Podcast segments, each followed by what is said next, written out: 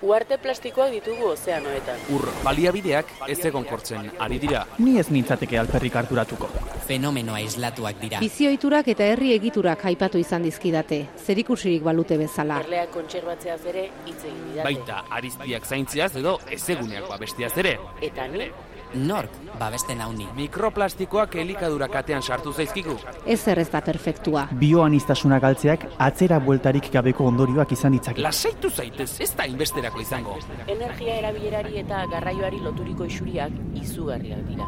Ez du nik erabaki horrela izaterik. Aro geologiko bat markatzeko adinako eragina izan dugu. Evoluzioaren aztarna, arro, egoteko modukoa benetan. Baliabideen erauzketak arrakala sozialak handitu ditu. Zer diozu? Nik ez dut alakorik egin. Eragindako inpaktuak direla eta muturreko fenomenoak ugaritu dira. Nire inguruan ez dut hori sumatu. Euri azidoa bertan da. Bizitzak aurrera darrai. Bai? Ziur, Gelditu makinak. Gelditu makinak.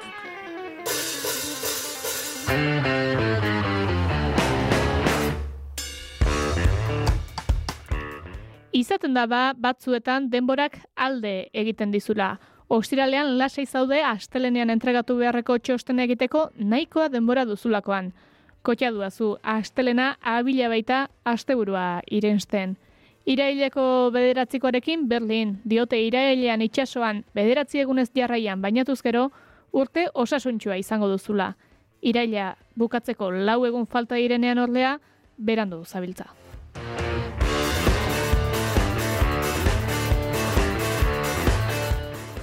Horregatik, gaur gelditu makinak saioan aurrera begirako saioa izango dugu. Asteburuan azken krisia gure garaia ekotopaketak izango dira Portugaleten. Eta horien berri jasoko dugu Ainoa Intxaurrandieta, Gorka Laurnaga eta Josu Larrenagaren eskutik.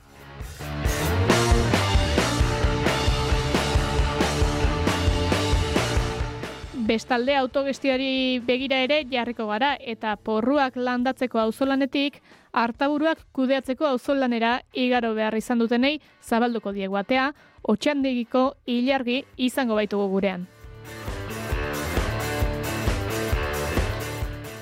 Adientzule garai mugituetan hankak lurrean gelditu makinak saioaren hirugarren denboraldiko bigarren atalean. Gelditu makinak irratsaioan harretaz jarraitzen ditugu ingurumenaren eta honen ustiapenak eragindako gatazka sozialen bueltan antolatutako taldeak bateren batzuk elkarrezketatzeko aukera ere izan dugu gainera. Gaurkoan berriz beste ekimen bati helduko diogu, irailaren hogeita marretik urriaren bira, ekotopaketak izango baitira Portugaleten, eta panorama ikusita premia pixka bat ere badagoen garaian heldu dira. Horta hitz egiteko gurean ditugu Ainoa Intxarrondieta, Gorka Laurnaga eta Josu Larriganaga, ongi etorri irukote. Atxaldeon. Atxaldeon. Kaixo. Tira, esan bezala, ekotopaketak antolatu dira eta lelo, bueno, deigarri xamarra, azken krisia gure garaia izenekoa.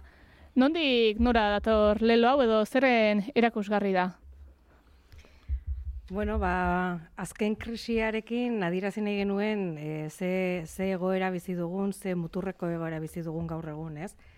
Ez da beste krisi bat, da azken krisia ez badiogu soluzioa ematen e, ba, alik eta askarren, ez? E, honek ze suposatzen du, ja amildegiragoaz, era bat, krisia da, e, larria, egoera oso larria, baina, bueno, guk hori aukera bezala bilakatu behar dugu, gure garaia da, nik uste dut badala garaia Euskal Jendarteak, e, bueno, da, ur, datozkigun e, e, arazo guzti hauen aurrean, ba, bueno, e, erabakiak hartzeko eta mobilizatzen hasteko azken krisi hau e, aukera bilakatzeko, ez?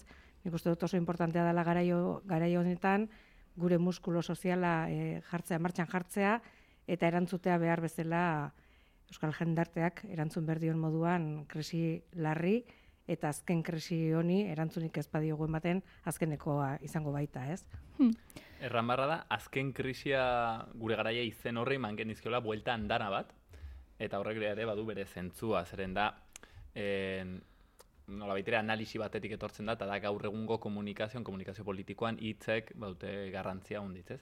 Eta orduan guk e, transmititu nahi genuen zerbait berritzailea ere saiatu ginen, zuk errandu zuen bezala, ba, izen bat ere be, ba, pixkate igarria bilatzen. Gero gertatu da gauza kurioso bat, e, azken krisia gure garaia hautsi genituen buruak e, lortzeko izen hori, ekotopaketen izena e, hartu genuen, ez dakit, ba, bos minutotan, eta eginda ezagunagoa ekotopaketak bertzea baino, ez? Bueno, pues oi, beti asmatzea ere komplikatua izaten dela. Baina go, izenaren logika, dainoak erranduenez, nik uste da, ere pixket bilatzen zuen izatea e, ispilu bat, reflejo bat, ekologismoaren dinamika doblearen abikoitzarena, ez? E, salatu, diagnostikoa egin, taldi berean, ba, erantzun bat proposatu, mugitu behar garela. Askotan leporatu zaio ekologismoari apokaliptiko izatearena, ez da beti albiste txarrak ekartzea, eta baina amarkadak e, iragan dira eta hau da daukaguna. Ba, orain arte ekologismoak e, esan duen ia gehiena betetzen ari da. Eta orduan, ba, ba hori, bada gure garaia, bada ere ekologismoaren garaia, eta bada momentua, badukagu dino gelditzen den denbora guztia gauza konpontzeko, baina gauzako okertzen jarraitzeko ez dago denborarik jadanik, beraz, e, ekologismoaren garaia da. Hmm. Aipatzen duzu eta azken krisiak gure garaia horretan, gure horri heldu nahi diot, izan ere norla gu hori, egotopaketa hauek, aurrez lanketa bat eginda datoz, e, azalduko altzen egukete zein den egin duten ibilbidea, edo nondik nora datozen? Duela bi urte, gutxi gora bera, nik uste 2008 e, akabaian, elkartu ginen, bueno, ba, jende ezberdina, gainera gure artean ez ginen derrigorrez ezagunak, eta bai ba genuena zen partekatzen genuena zen kezka bat, ez? Eta da ego Euskal Herrian akaso falta dela mm, ez dakit, artikulazio ekologista bat. Ez dago mm, muskulo mm, eragile tresna ekologista potente bat. Hori da pixket kezka, ez? E, nik uste haunditzek baduten sentsazioa, e, pixkatu mezurtz gaudela bai? Ez dugu e, eragile bat, ez dugu ba, kaso bilgune feministak izaten alduen bezala horre referentzia bat, sindikalismoan izaten alduen bezala referentzia bat, ba, bertze eragile batzuekin, labela eta barrekin ez, ekologismoaren pixka sentsazioa kaso e, falta zela zerbait, e, ba, nola bitre, jauzi kualitatibo bat eman alizateko ego euskal herrian. Kezka horrekin hasi ginen, e, elkartzen batzuk, bertzerik gabe, pixetorren inguruan bueltak ematen, eta orduan, ba, joan zena gertatzen da, irekiera prozesu bat, deitu ziren batzar ireki batzuk, jauzi ekologismoan izen horrekin hain zuzere, zuzen ere ez, sugerentea dela, etorri zen jende, ba, bueno, nahiko txo berrogoi tamal, berrogoi pertsona inguru egin ziren batzar ereki batzuetan, eta horra zen, prozesu hau, ibilbide hau, eta bueno, gutxi gora bera hor hartu ziren erabakiak zen, az gaite zen, ekotopaketa batzuk antolatzen, eta bide horretan ere gu elkarren artean ezagutzen eta pentsatzen hau hobekioz, behar aldu ego euskal herriak bertze tresna ekologista bat. Ba, zegoen nola baite fondozko zera zurrumurro bat ez da, ba, igual eh, periodiko batean e, e, zuzendariari gutunetan edo hainbat zeratan, nola bait jende askotxok e, faltan botatzen zuela edo duela e, ekologismoaren abots e, zenduago bat e, Euskal Herrian, ez da e, egia da ekologismoa Euskal Herrian oso zabalduta dagoela, oso anitza dela, e, milaka talde daude, batzuk e, tankera batekoak, beste batzuk beste tankerakoak, baina e, hori, gorkak aipatu moduan artikulazio bat, edo nola baite beste maila batean aritzeko nabaria zen e, falta, nabaria da, eta bueno, horretan ari, gara. Bai, pixka bat irakurketa izan zen, e, mugimendua e, Euskal Herria berez oso ekologistatzat e, dugu, baina mugimendua oso atomizatua zegoela, ez? Badira, e, nik uste dut herri gehienetan badirela mugimendu edo talde ekologistak, bi hiru lau pertsona osatutakoak, baino gero e, ba, gaizki ulertuak, aserreak talde batekin bestearen artean, eta horrek ez duela indartzen, ez, mugimendu ekologista. Eta azkenean behar duguna da, e, jendarte zabal bat anitza, erabat e, anitza izango dena, baina interpelatuko dituena e, erantzuleak eta interpelatuko dituena e, gobernuak eta e, erabaki zuzenak arditzaten, ez? E, gu guztion etorkizuna dago jokoan. Orduan, gu guztiok daukagu e, ardura bat horren aurrean e, mobilizatzeko eta nik uste dut e, hartzen diren erabaki okerrak edo e, zuzentzeko edo erabaki horiek arz daitezen borrokatzeko, ez? e, mugimendu feministarekin alderatuko nuke, ez? Baduela amar, amabost urte, mugimendu feministak ere, e, herri guztietan zeuden talde feministak, baino lortu du e, artikulazio orokor bat transversala izango dena, eta lortzen du interpelatzea eta gaia e, mai gainean jartzea, ez? Eta bueno, e, mugimendu ekologistarekin edo topaketa hauekin ere gure helburua hori da. Azkenean muskulua sortzea eta benetan e, erabakiak e, kaletik eta kalean hartzea gu guztion artean, ez? Garaia da, ea lortzen dugun gu hori sortzea. Ez? Hori da, hori da. Hmm.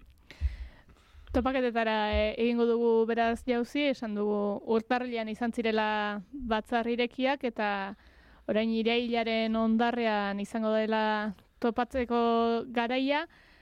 Zer da helburua edo zeren bila zabiltzate topaketa hauetan zehazki? Bueno, ba, elkar topatu, ez da. E, hor badago ba, programa zabal bat, badode bat mai inguru, ekologismoaren hainbat ertz e, ikutuko dira, eztabaidatuko dira, baina gero ere badago momentu bat e, igande goizean, e, bueno, batxarri ireki bat egiteko eta nolabait e, ekotopaketetatik aurrera zer egingo dugun edo zenolako dinamikak e, abiatuko ditugun e, horri inguruan e, solasteko. Hmm. Bai, ze agian nik uste dut galdetzen badiozu edonori Euskal Herrian, Euskal Herrian galdetzen badiozu edonori zer e, mugimendu ekologistak e, zer bilatzen duen, zer helburu duen, denek nik uste dut hortan ez dugula e, berdin pentsatzen dugula, ez? Falta dela sujetu bat e, izango dena e, guzti sentsibilitate guzti horiek, ekologismoaren inguruan dabiltzan pertsona guzti horiek eta sentsibilitate guzti horiek batuko dituena. Eta nik uste dut hori dela diagnostiko oso oso partekatua mundu guztiagatik. Eta nik uste dut bat topaketen helburua hori dela, ez? Bertan, e, sentimendu, sentsazio horiek ditugun guztiak edo alik eta jende gehien bilduko gera bertan, horri buruz hitz egingo dugu eta horri forma emango diogu, ez? Sujeto hori zer e, zer nolako sujetoa izan behar duen, zertarako eta nola e, funtzionatuko duen sujeto horrek. Baina horretarako derrigor e, denon artean erabaki beharko dugu zer zer nahi dugun egin. Sujeto horren eraketan topaketan bertan mai inguru eta itzaldiz beteta dago programazioa, ez ditugu denak aipatuko ba, programa zabala delako, baino bai galdetu nahi nizueken, talde bat osatzeaz gain, badirudi, formakuntza saiak erabatero badagoela, ala? Bai, Josu erran bezala, behintzat idatzi dugun testuan, aurkezpen testuan, er, aipatzen dugu badirela bi arrazoi nagusi, e, krisi ekosozialaren gaia erdigunean jartzea, agendaren, kulturaren erdigunean, hitz egin beharra denaren erdigunean, eta bertzea da, ba, ipatutako eztabaida guzti hauek ematea. Eta orduen planteatu dugu galdera bat. Tortzen diren guztiei planteatzen dugu galdera bat. Behar aldu ego Euskal Herriak tresna, e, tresna berri bat. Euskal ekologismoak behar du, bertze zerbait. Bai, ez, nolakoa, ze forma, ze helbururekin, bi, nola baitere, bi, bi helburu horiek, ez? Eta, bueno, egitarauari dagokionez, eh, ez dakit nahi duzun aipatzea zuk e, ikusten baduzu, egoki ikusten baduzu aurrera. Gainetik aipatuko dut, ongi, bueno, entzulei ezpadieta espertzen, en, hortzirala launbetea eta igandea, dire, hiru egun, bai, e, om, irailaren hogeita marrean, urrian bat eta bian, sastraka espazioan, sastraka gaztetxean, Portugaleten, eta hartzen, azten da hortziral atxaldean, Eta hor baditugu, aipatuko ditut, mm, bi, bi mai inguru potente. Badire handana bat, kusiko duzue, egitarauan badirela hitzaldi pila bat, espazio pila bat, aipatuko ditut batzuk bakarrik hortzira latxaldean jaio errerorekin solasaldia, beti aski interesgarria dela, jaio makina bat da eta beti inspiratzen du pila bat, beraz, itzaldi potente bat azteko, eta bertze bat ere aski beharrezkoa, dela estraktibismoaren e, kontuan, ez? Noren bizkar ari gara azten, jarri diogu izen hori, eta nik uste hor e, Euskaldune gainera behar dugu legin, hausnarketa bereziki zai bat, e, zeren eski gure metabolismo soziala, gure bizimoduak, ba, igual badute, ez dakit, zerbait imperialetik, ez? E, badute zerbait e, lapurtzetik. Nik beti erraten dut, e, badugula, denek eramaten dugula sakelean Afrika puxka bat, ez? Bueno, ba, hoixen, e, behar da gauza hauetaz, e, ez da bai datu hausnartu eta dire kontu zaiak. Larun bat goizean, em, bizitza bizigarriak ekofeminismotik, gure ematen espazio horri, e, feminismoari ere espazioa ekologismoan beharrezkoa delako ez, etorkizunera begira, bizitza e, pixket biei lotzen digun, bi mugimenduei lotzen digun ardatz horrekin, bizitzarekin, eta horren aritik ere, bertzitzaile bat, bizitzaren garestitzea, ba, orain denek pairatzen ari duguna, ez? Eta atxaldean, ba, bertzein, bertze, hoien artean, e, zer nolako trantsizio ekologikoan nahi ote dugun Euskal Herritik, hau da hori begirada gehiago estrategiko batetik, nola ematen da e, berriztagarrien inguruko eztabaida adibidez, ez? E, gauza nahiko, bueno, komplikatua dena, eskatzen duena e, ba, egitea oreka zaiak eta eta ez bairi gabe etorkizunen ekarriko dituena, ba, segurazki e, zailtasunak, ba, mugimendu ekologistan, ez? E, energiaren gaia ere landuko dugu, mm, lana eta enpleguarena, nola antolatu behar den, nola berrordenatu behar den, etorkizunean ba, esfera ekonomiko aldatzen denean, eta baita ere, bertzen artean, nola ez, klimari egin diogu, en, ba, espazio bat ireki diogu, eta gazte bai, zeren ikusten dugu ba, e, gazteen kasuan, e, nezgarelari lortzen, edo zailtasunak daudela, e, ego euskal herrian, nola ere, artikulatzeko, erakartzeko gazte sektore horiek. Beraz, ereki diogu lehio bat ere, ekotopaketetan sektore horiek. Eta Josu bezala, bai gandean akitzen da, ez da bai da horrekin. Eta, bueno, esan behar da ere, badaudela beste, bueno, bertso afaria da goztiralean, kontzertua Jota Martina eta Amumak ekin eh, zapatuan, eta, bueno, alako gauzak ere badauz.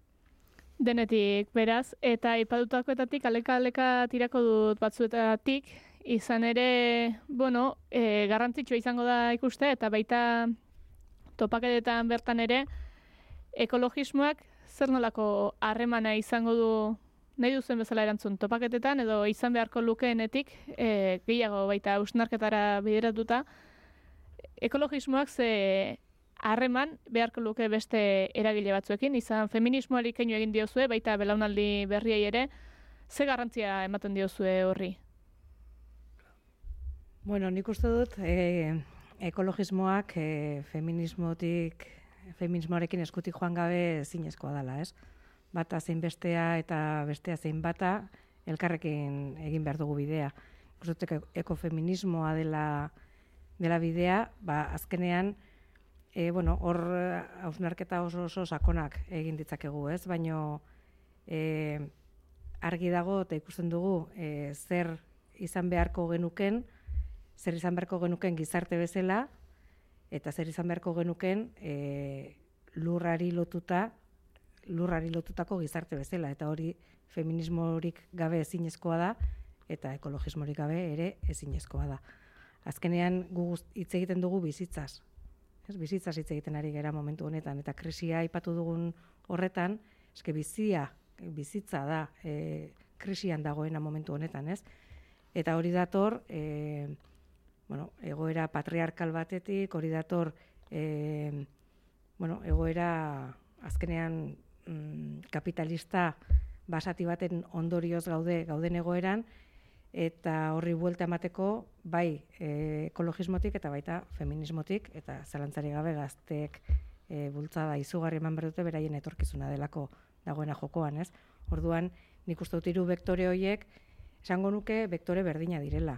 Azkenean ekologismoa, feminismoa eta etorkizuna e, gauza bera dela eta nik uste dut horregatik dela garrantzitsua hiruak eskutik joatea. Bai, e, aipatu duzuna gazteena, ez? E, nik uste zaitu garela ematen espazio bat horri, eta adibidez, e, hemen orain gauden ba, itzartze honetan, hau bera ja, itentzait nahiko ederra. Hau da, ez dut uste badirenik mugimendu handiz lortzen dutenak, bueno, elkartzea, mai batean, e, aurkezpen batean, ba, adibidez, ezakit hogei urteko gazte bat, eta irurogei, irurogei tamar urteko gazte batez, eta dibez egin genituen, egin genuen aurkezpena e, Portugaleten, e, hau izan zen uda baino lehen edo, eta, eta hain zuzen ere, aurkezpen hori artikulatu genuen hiru ahotsekin, hiru belaunaldi ezberdin zeuden, ez? Eta, bueno, hor, horrek ematen du zerbait aditzera, eta da, krisi ekosoziala dela gure jendarteen e, krisi bat. Ez da sektore batena, ez da pentsionistena, ez da gazteena, da jendarte guziarena, ez? Eta orduan egotea e, erran bezala, ez? Neska bat e, Fridaysekoa igual, hogei urtekoa, eta militante ekologista mitiko bat, biek mm, toki berdinean erraten behar dugu, hau da gure garaia, en, haundiz badugu egiteko, ba, itentzait, interestzait, ba, aski interesgarria eta unkigarria eredu moduan edo ejemplo moduan, e, adibidez, e, ekologismoa eta lanaren e, munduko agentekiko harremana beti izan da korapilatxua, ez da, produkzioa e, lana askotan izan da ere ba, kaltea ekologiaren txat, eta ekologismoak nolabait interpelatu ditu produkzio mundukoak, ez da, eta e, hori Euskal Herrian oso, oso erraz ikusten da, e, zenolako harreman handia eta zenolako arrakasta eukidu adibidez ekologismoa Euskal e, sindikatuengan, ez da? E, Euskal sindikatuengan dinot, ez Euskal Herrian aritzen diren e, sindikatu guztiak, baina batez be hori Euskal sindikatuek nik esango nuke harreman historiko bat egon delako, interpelatze historiko bat egon delako bai, ba oso e, sensibilidade handia daukate ekologia kontuekin eta bar eta bar, ez da? E, feminismoaren kasuan nik esango nuke e, personalki izaten dute, baina euskal feminismoa lar e, ez dakit prometeiko edo izan dela ekofeminismoak e, indar gutxi uki du, baina hori aldatzen ari da eta hori oso seinale ona da. Eta bueno, momentu honetan e, ekologismoak ere eta nik uste dut hori argi daukagula ekotopaketen antolaketan e, gabiltzanok e, politikariei, gobernuei eta hoiei ere interpelazio e, fuerte bat egin behar zaie eta horra zuzen ere badago utxune importante bat Euskal Herrian eta hori ere bete nahi dugu, ezta? Be bai e, hori administrazio publikoari e, e, administrazio publikoan lehiatzen direnak e, bertan egoteko, hoiek behar dute ere nolabait interpelazio zera esan bat ekologismoaren aldetik ekologismoa errango nukenik ez da ekologisten gaia. Hau da, jendarte guziaren gaia, ez? Eta ekologismoak orden badu komponente, nahi badugu, erabat transbertsal bat, aukitzen ditu sektore pile bat. Hoi ikusten alda, dibidez, ikasketetan, ez? En, ekologismoa edo ba, jasangarritasunaren aldeko mugimendu ukitzen alda ikasketa alor guzietatik. Psikologiatik ingurumen, psikologia, arkitektura, adibidez, ez? E, arkitektura jasangarria, bioeraikuntza, mm, ingurumen zuzenbidea. Ukitzen alda, filosofiatik, zeren behar dugu berpentsatu bizitzeko modu berriak, ez? Antropologiatik ikertzeko bertze jendarteak nola bizi diren, nola kolapsatu duten, pedagogiatik, ikusteko nola lortzen alden transmititzea aldaketa, eraldaketa kultural ikaragarri bat, ba, belaunaldiei, ez? Erran nahi dudana da, da gai bat en, ez duena zer ikusirik bakarrik jendartearen aspekto batekin, mm, talde sozial batekin, hau badu ikusteko gurekin, denekin, ez? Beste kontu bada eta aipatu duzu ego Euskal Herri mailako eragile bat sortu nahian gabiltzala.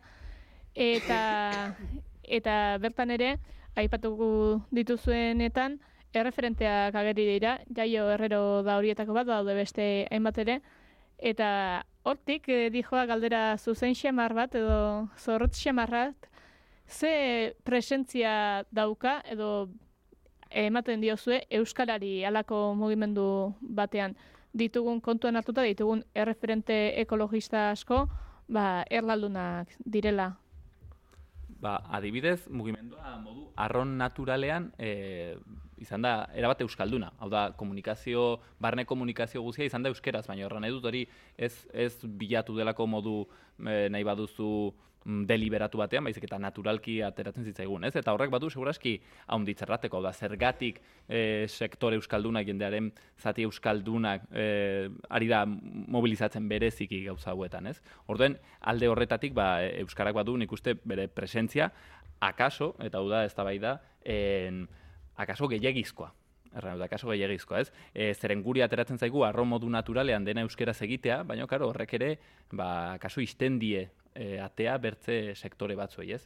Zein kasutan, bueno, nik uste izan dela, bueno, da harreman zai bat, baina da e, Euskal Herriak duen berezitasun bat, ez? Badu hor, ba, harreman komplikatu bat, bi hizkuntzekin eta hori kudeatzea, eh, ematen ditu bere zailtasunak, baina bueno, nik uste dut ikara egiten nahiko modu osasuntxu batean, emanez euskerari ba, zentralidadea ez, e, erdigunea, eta aldi berean saiatzen transmititzen informazio guztia bizkuntzetan naturaltasun berdinarekin egia da ba, e, ekotopaketen e, aurkezpenera jaio herrero konbidatu genuela eta bilboko kafean txokian e, euskeraren ia, ia templo horretan ba, gaztelerazko itxaldi bat e, egin genuen eta ekotopaketetan ere ba, etorriko da jende asko e, gaztelania hitz egiten duena eta protagonismo berezia edukiko dute zenbate mai, mai ingurutan ez da baina bueno, nik hori izango nuke naturaltasuna izan dela bai kasu batean eta bai bestean, ezta? Ba, bilatu ditugu referenteak eta batzuk e,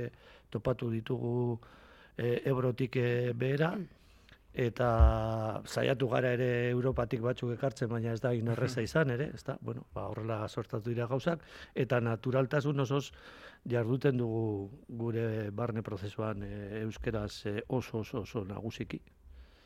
Joseba Azkarrak adibidez hartzen du e, euskaldunak ez garela izan sobera teorikoak.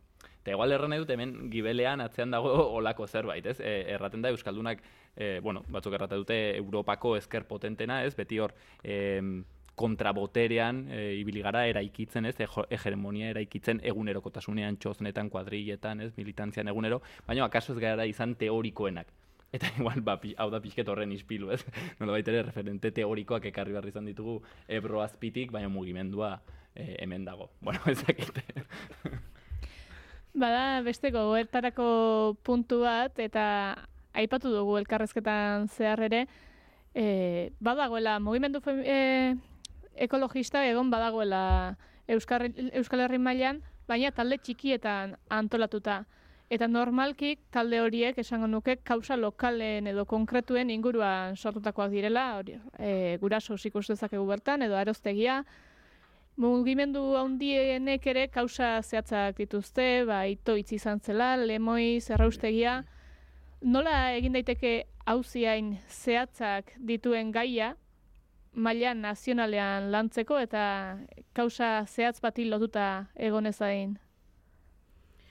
Bai, ba, justo hori izan zen, egin genuen hausnarketa, ez? E, hori, lehen aipatu dut, herri guztietan daudela mugimendu konkretuak eta gainera izaten direla azpiegitura konkretuei erantzuteko sortutako mugimenduak, ez? E, kausa oso lokalak dira eta gainera e, izaten dira normalki erantzuteko azpiegitura bati erantzun, erantzun emateko sortzen diren mugimenduak. Eta kuriosoa da, baina gerta daiteke e, eskualde batean egotea mugimendu herri ezberdinetan bi hiru talde e, azpiegitura horren kontra, eta oso kilometro gutxitara dagoen beste eskualde batean horrelako arazo baten aurrean ez dakite ze erantzuna ze erantzun eman behar duten, ez?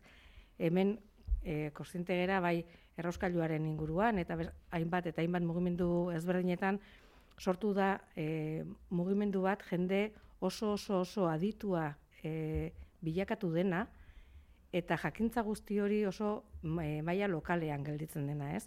Horregatik nik uste dut e, ekologismoak badaukala hemen e, gabezia bat, eta da e, jakintza hori partekatzea Euskal Herrian, Euskal Herrian, edo Euskal Herri osoan partekatzea jakintza guzti hori, ez?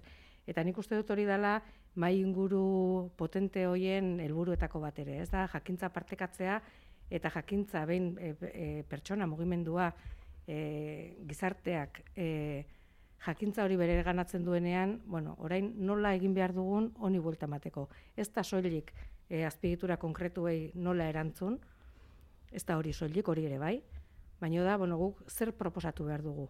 E, azpiegitura e, inposatu aurretik guk badukagu proposamen e, zehatza. Nola kudeatu behar ditugu hasi ondakinak, hasi e, energia berriztagarriak, edo zein e, ardatz, nola planteatuko genuke, nolako Euskal Herrian nahi dugun amar urte barru, ez? Eta hori, egin behar dugu, bai e, tuteran, bai gazteizen, eta baita irunen ere, ez? Orduan, guzti hori, jakintza hori e, zabaltzeko aukera bat da mai inguru hauek, eta gero ere e, partekatzeko, eta eskualde horietan egiten den lan izugarri hori ere, nola e, zabaldu Euskal Herria guztira, ez? Azkenean, jakintza horrek behar du, zabalkunde bat behar du, artikulazio bat, klabe berdinetan egoteko, ba, bai, Nafarroan, bai, Araban, Gipuzkoan, Iparraldean, klabe berdinetan borroka borroka zabaltzeko, ez? Eta nik uste oso importantea dela, bueno, e, topaketa hauetan elkartuko gera, informazio pila bat e, jasoko dugu, jakintza hori jasoko dugu, eta gero erabakiko dugu e, jakintza horrekin nola artikulatu eta ze Euskal Herria marraztu nahi dugun datozen amar, hogei eta berrogeita mar urte barru, barrurako, ez? E, hemen e, boterea manaiatzen e, dutenek, Oie konturatu egin dira e, tokian tokiko borroken e, bizigarritasunaz eta potentziaz, eta adibidez, hori geldiara esteko, adibidez, erkidego autonomikoan, ba, sortu dute tapia legea, ezta? E, udalerritatik e, kanpora, udalerritatik gorantza eramateko erabakigunea, baina tapia legearen kontrako erantzun ekologista bateratu eta ez da egon, egon da araban, baina ez da egon e, e, tapia legeak ikutzen duen lurralde guztietan, ez da? Beste alde batetik daukagu e, emergentzia klimatikoa adibidez, e, mundu mailako problema bat, e, hemengo e, gobernuek e, az, zera, deklaratu dut ere emergentzia larrialdi klimatikoa, baina hor segitzen dute e, euren eguneroko jarduneak eta euren eguneroko proiektu zuntxigarriak eta aurrera eramaten, eta ez dute ez da, ez da korbatak entzen ere beste leku batzuetan egiten duten moduan, ez da. Orduan, bai e, maila global horretako borrokak e, Euskal Herriera ekartzeko, eta bai tokikan tokiko borrokei, nolai, beste beste trascendentzia bat erabateko, eta momentu batzuetan hori, alako tresnak sortzen direnean ere, erantzun bateratu bat e, izateko, hor sumatzen genuen falta dela e, tresna bat, e, eta horretarako doa, inzuzen ere zuzenduta, e, kotopaketen e, debatea eta eta gure asmo guztiak, ezta. Jardunaldiei dagokionez berriz, e, hori ere jakin beharko dugu eta bertaratzeko badago modurik izen eman, izen eman behar da, bestelako formularioaren bat bete behar da, edo nola egin behar du bertaratu nahi duenak. Izen ematea haunitz eskartuko da. Orduen, e, badie modu ezberdinak, batetik bilatzen aldigu ba, jendeak bilatzen ari gaitu sare sozialetan, eta hortik haietuko dire gure web horrira eta esteka ezberdinetara, handik izen eman, eta bertzenaz jartzen aldutek bilatzailean interneten ekotopaketak, eta han agertuko zaie alako espazio bat, web horri moduko bat, eta han dago informazio guztia.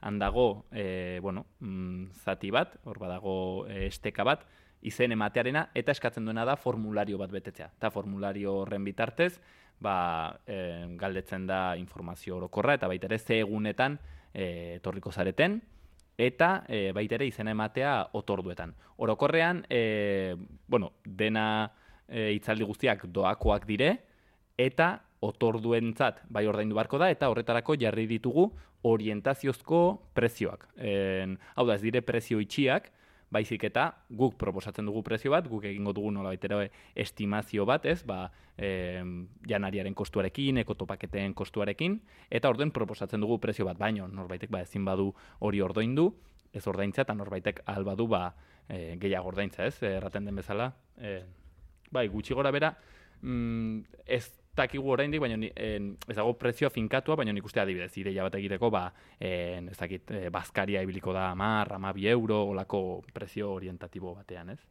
Eta, eta hori da, izena emateko modua hori, eta ba, hoixen, animatu etortzera, nik uste izango dela puntazo bat, badu bere berezitasuna honek, ego euskal herrian, nik ezagit egon diren ekotopaketak, egon ziren uste dut bere garaia noiz baitere, baina jartzea en, gai hau erdigunean, 2008an, hiru egunez, uste dut dela sekulakoa, uste dut merezi duela, beraz, ba, hoixen, konbitea mendik izena errepikatuko dugu, azken krisiak gure garaia, ea sartzen den, ea ekotopaketak izena alboratu eta horrela deitzen diogun. Ja, jo horrero gerantzuen gustatu zitzaiola izena, eh? ekotopaketak.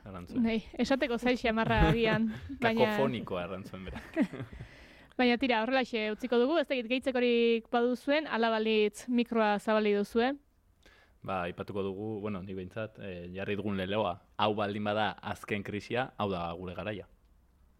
Ba, horrelaxe, hau da gure garaia. Eskarrik asko irikote gurean izateagatik eta Portugaleten egingo dugu topo.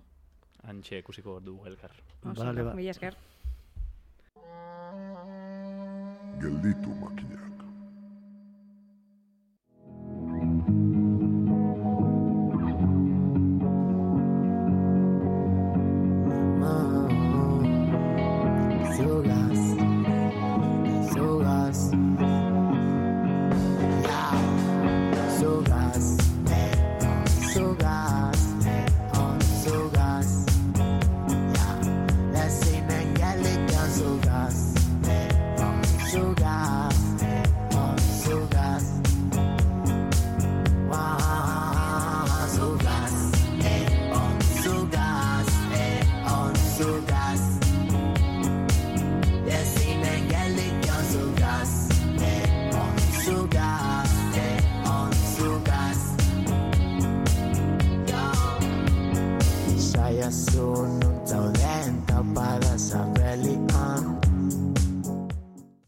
Ondasunak erabiltzen dituen horrenak omen dira logika horren barruan elementu horri dagozkion ardura eta ekarpenak erabiltzailearen eskuleudeke.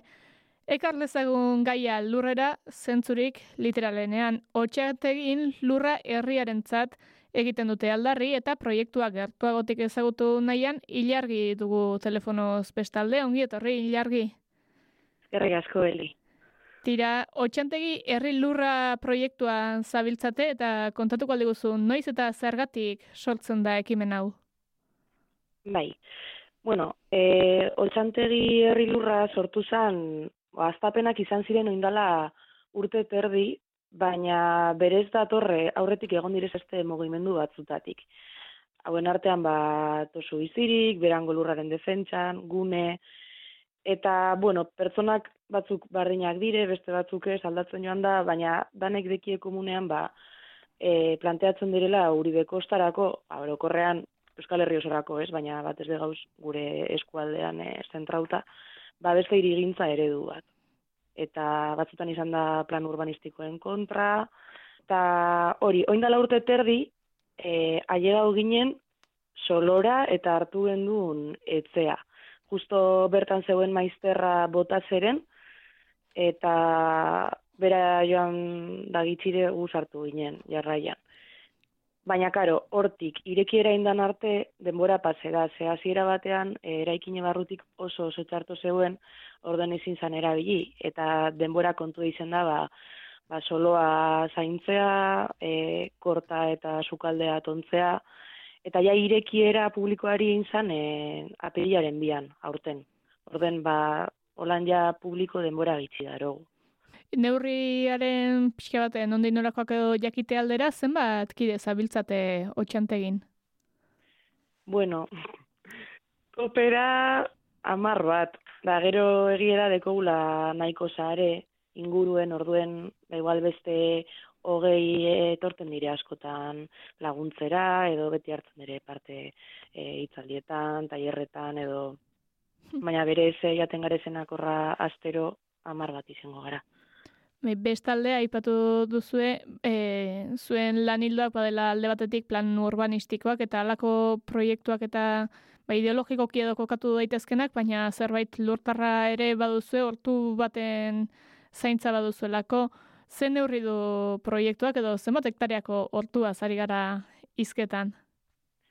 Ba, bai, esan duzu moduen, helburu oinarrizkoena da e, etxe bizitza eraikuntza proiektu bet e, geldiaraztea, bostun etxe bizitza nahi zuzen, engo dana soro horretan, baina karo, zeharka, ba, beste bat gauza iten duguz, e, esaterako soloa. Hasiera batean bakarrik gendun baratzea, ba, ez da gizemat izango da, negi esan. Baina, itxi. Badakit, e, lurzail osoak dekozela sortzi hektarea. Baina, karo, guk ez dugu hartu hori dana. Eta nik izango neuke gure baratzeak ikutu dituzela ba, baratzea, eh? Eun metro karratu apur bet gehiago, berreun metro karratu igual.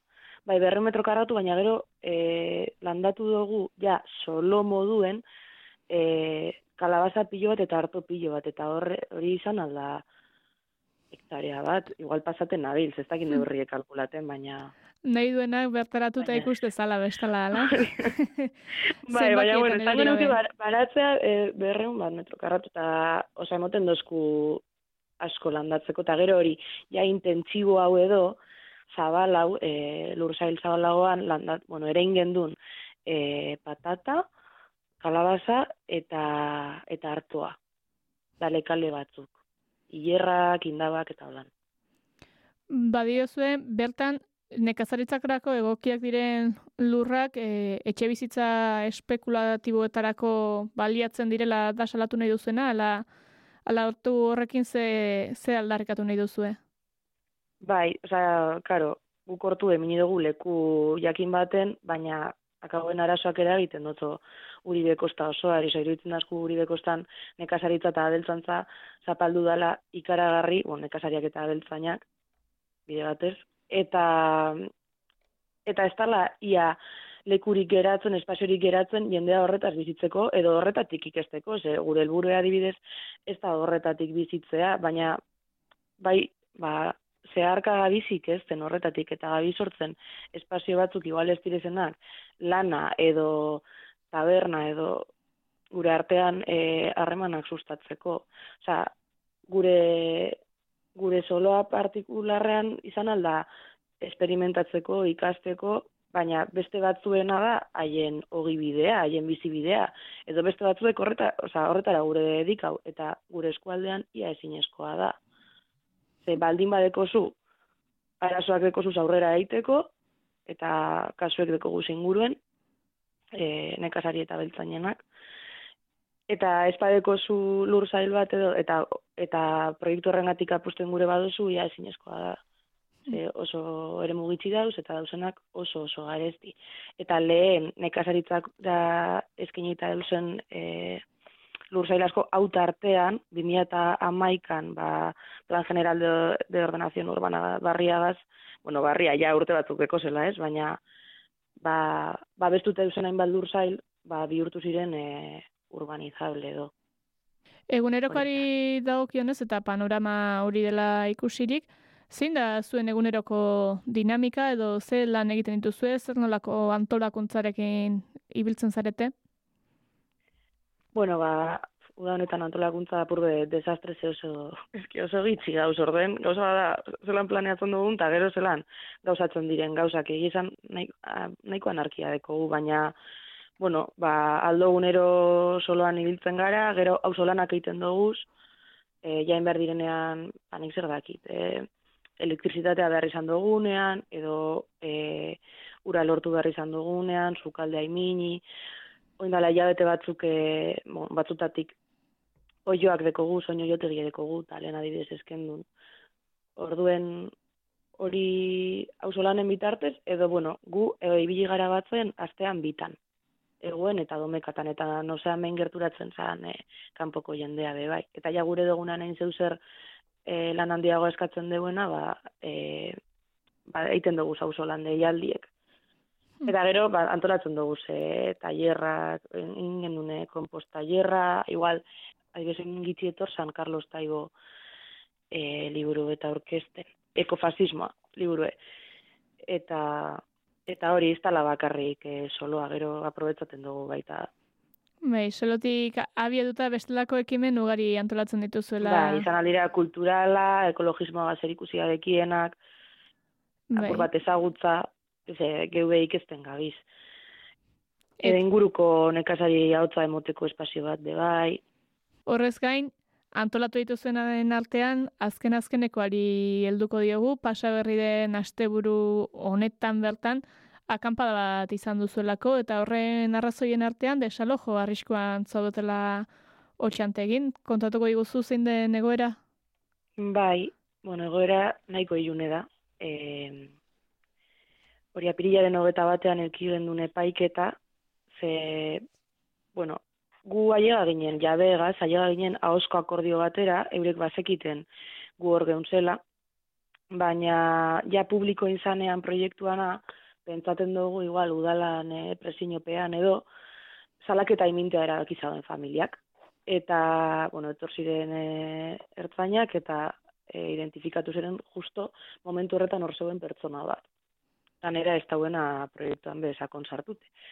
Eta, eta bueno, pertsona honek euki dago epaiketa, baina kauen, ba, dan hori eragingo dozkune ebazpena edo sententzia da, baina, bueno, momentuz zain gauz. Ez lan be, ez teko gufedea hondirik, e, ba, bide judizial honetan eta segurantzean hori. Osa, ja, desalojo mehatxua llega da, eta ez dakigu nosa llegako da, ba, e, ja, desalojo erreala.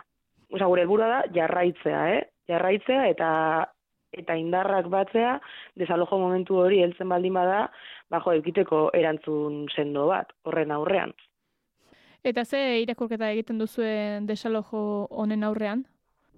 Bueno, ba, guk, oza, gure ez da sorpresa, ze gaztetxeagaz, oza, e, gorlizko gaztetxeagaz bardin pazezan, e, getxokoagaz bebai, eta ber, badakigu zelan funtzionatzen diren namengo udalek, eta badakigu lurrek espekulatzeko besterik ez dira zala gure, eta ganera ezke, azkeneko amarkadan izan da oso basatia e, indiren plan urbanistiko osoa, eta eurek eh, proposatzen dozkoen bizitza eredua da lanetik etzera eta etzetik supermerkaure. Baina, bueno, oza, ez da sorpresa guk badakigu zer dauen eta zaitu behar dugune da, ba, gure artean zaretzen eta eta olako proiektu txiki gehiago sortzen, ze akauen alkarrera gina egon eskero, ba, batek babesa behar denean, danok joan gein kesorra laguntzen. Osa, akauen behar dugune da, olako proiektu gehiago eta eta gero jendean herritarron babesa. Herritarron babesa ere aipatu nahi nizun. Hain zuzen ere, egoera honetan baduzue herritarrek euren babesa eman alizateko biderik, edo nola sustengatu daiteke zuen e, ekimena? Ba, bueno, horretarako izan da zuzen ere azeguro honetan indogun kanpaldi, jendeak ezetuteko, adargu bai saiatzen gara, ba, danetarik antolatzen, kartelak, bestea, baina, bueno, adibidez, jo, kanpaldian suertau dasku oso eguraldi txarra, eta, ba, espero bendune, baino jende gitzi hau egerturatu da baina bai gu bagabi sare sozialetan eta saiatzen gara beti aktibo mantentzen. Osa, hori ez egotea bapatean hilabete bat utzik ezer barik, osa, saiatzen gara beti e, ba, hori hitzaldiak, tailerrak edo dana dalako alotzen. Eta igual beste batzuen ekitalditan be presentzia izaten, adibidez datorren asteburuen e, portun e, e, kotopaketak egongo dire, eta ba, egongo gara be bai. Baina, bueno, ez da erreza, ez da erreza jende guztian gana llegatzea. Ez da erreza eta agian ez da unerik egokiena edo errezena ere aurrera begira jartzeko ala ere galdera egin nahi nizuke. Nola ikusten duzue etorkizuna edo aurrera begira ze asmo dituzue? Ba, etorkizun hurbilean oinartean moduen segidutea e, desalojoa joga garten eta eta hori oine estrategiak pentsatu behar dugu, ba, momentu hori denean jakiteko zelan jokatu kasuriko kerrenean botako ba gintuzte, beste leku batera joango gara, hori nahiko argi gu. Osa, ez dugula borroka itxiko. Beti hau eraikinen bat utzik eta gure helburu, osa, bueno, gure asmoa da eraikin gehi terreno. Ze bai segidu gure dugu e, soloan proiektua gaz. Orduen, hori, aldan artean aguanteu eta bota eskero beste, beste leku betopeu. Ba, ilargi, mila esker gurean izateatik eta lurra izan da ila herriarena eta etxe bezitzak ez zaitezela espekulaziorako erabili eskerrik asko otxanteiko berri emateagatik. Mila esker zeuri heli urukor arte. Ongi izan. Agur.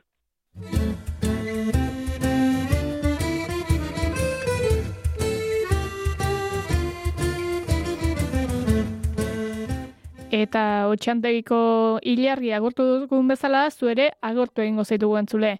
Ongi izan, eta badakizuen nahi duzuenean, hemen txea aurkiteko dituzue. Gelitu makinak saioan. Bere atzetik ibiltzen nintzen herriko kale hotzetan Printzesa hura behar bezala korte jatzeko lotxetan Bere etxera lagundu nahi eskolatik arratxetan Oh, You.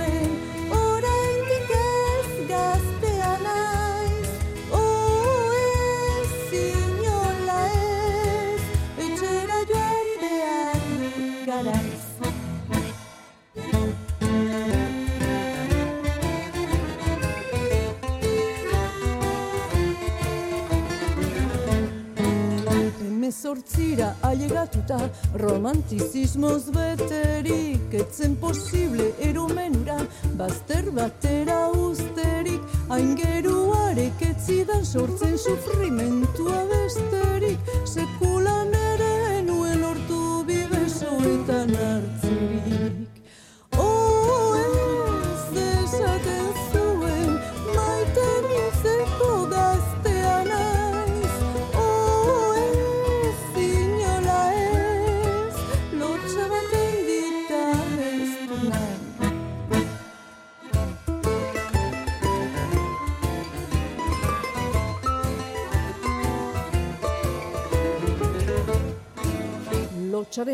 pasata gero dozen erdi bat eskutik pentsatu zuen komen izela sartzea bide estutik eta ni nola oraindik ere jarraitzen nuen gero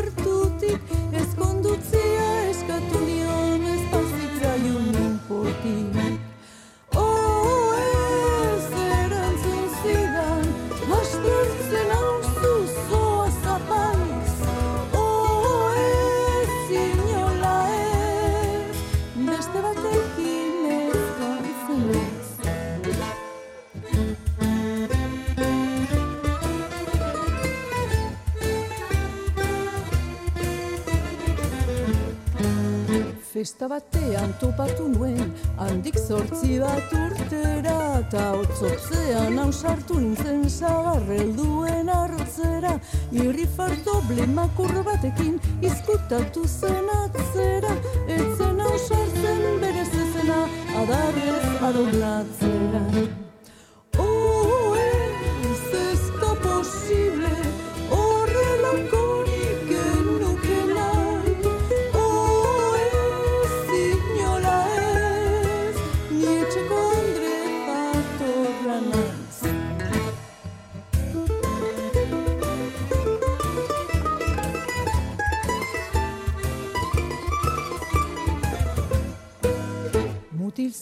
Zartuta bizi nintzela laugarren pisu batian.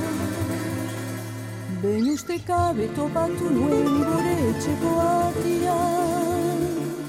Bere honen agastatutako alarguna zen artian, eta honela erantzun zuen orain bion kaltian.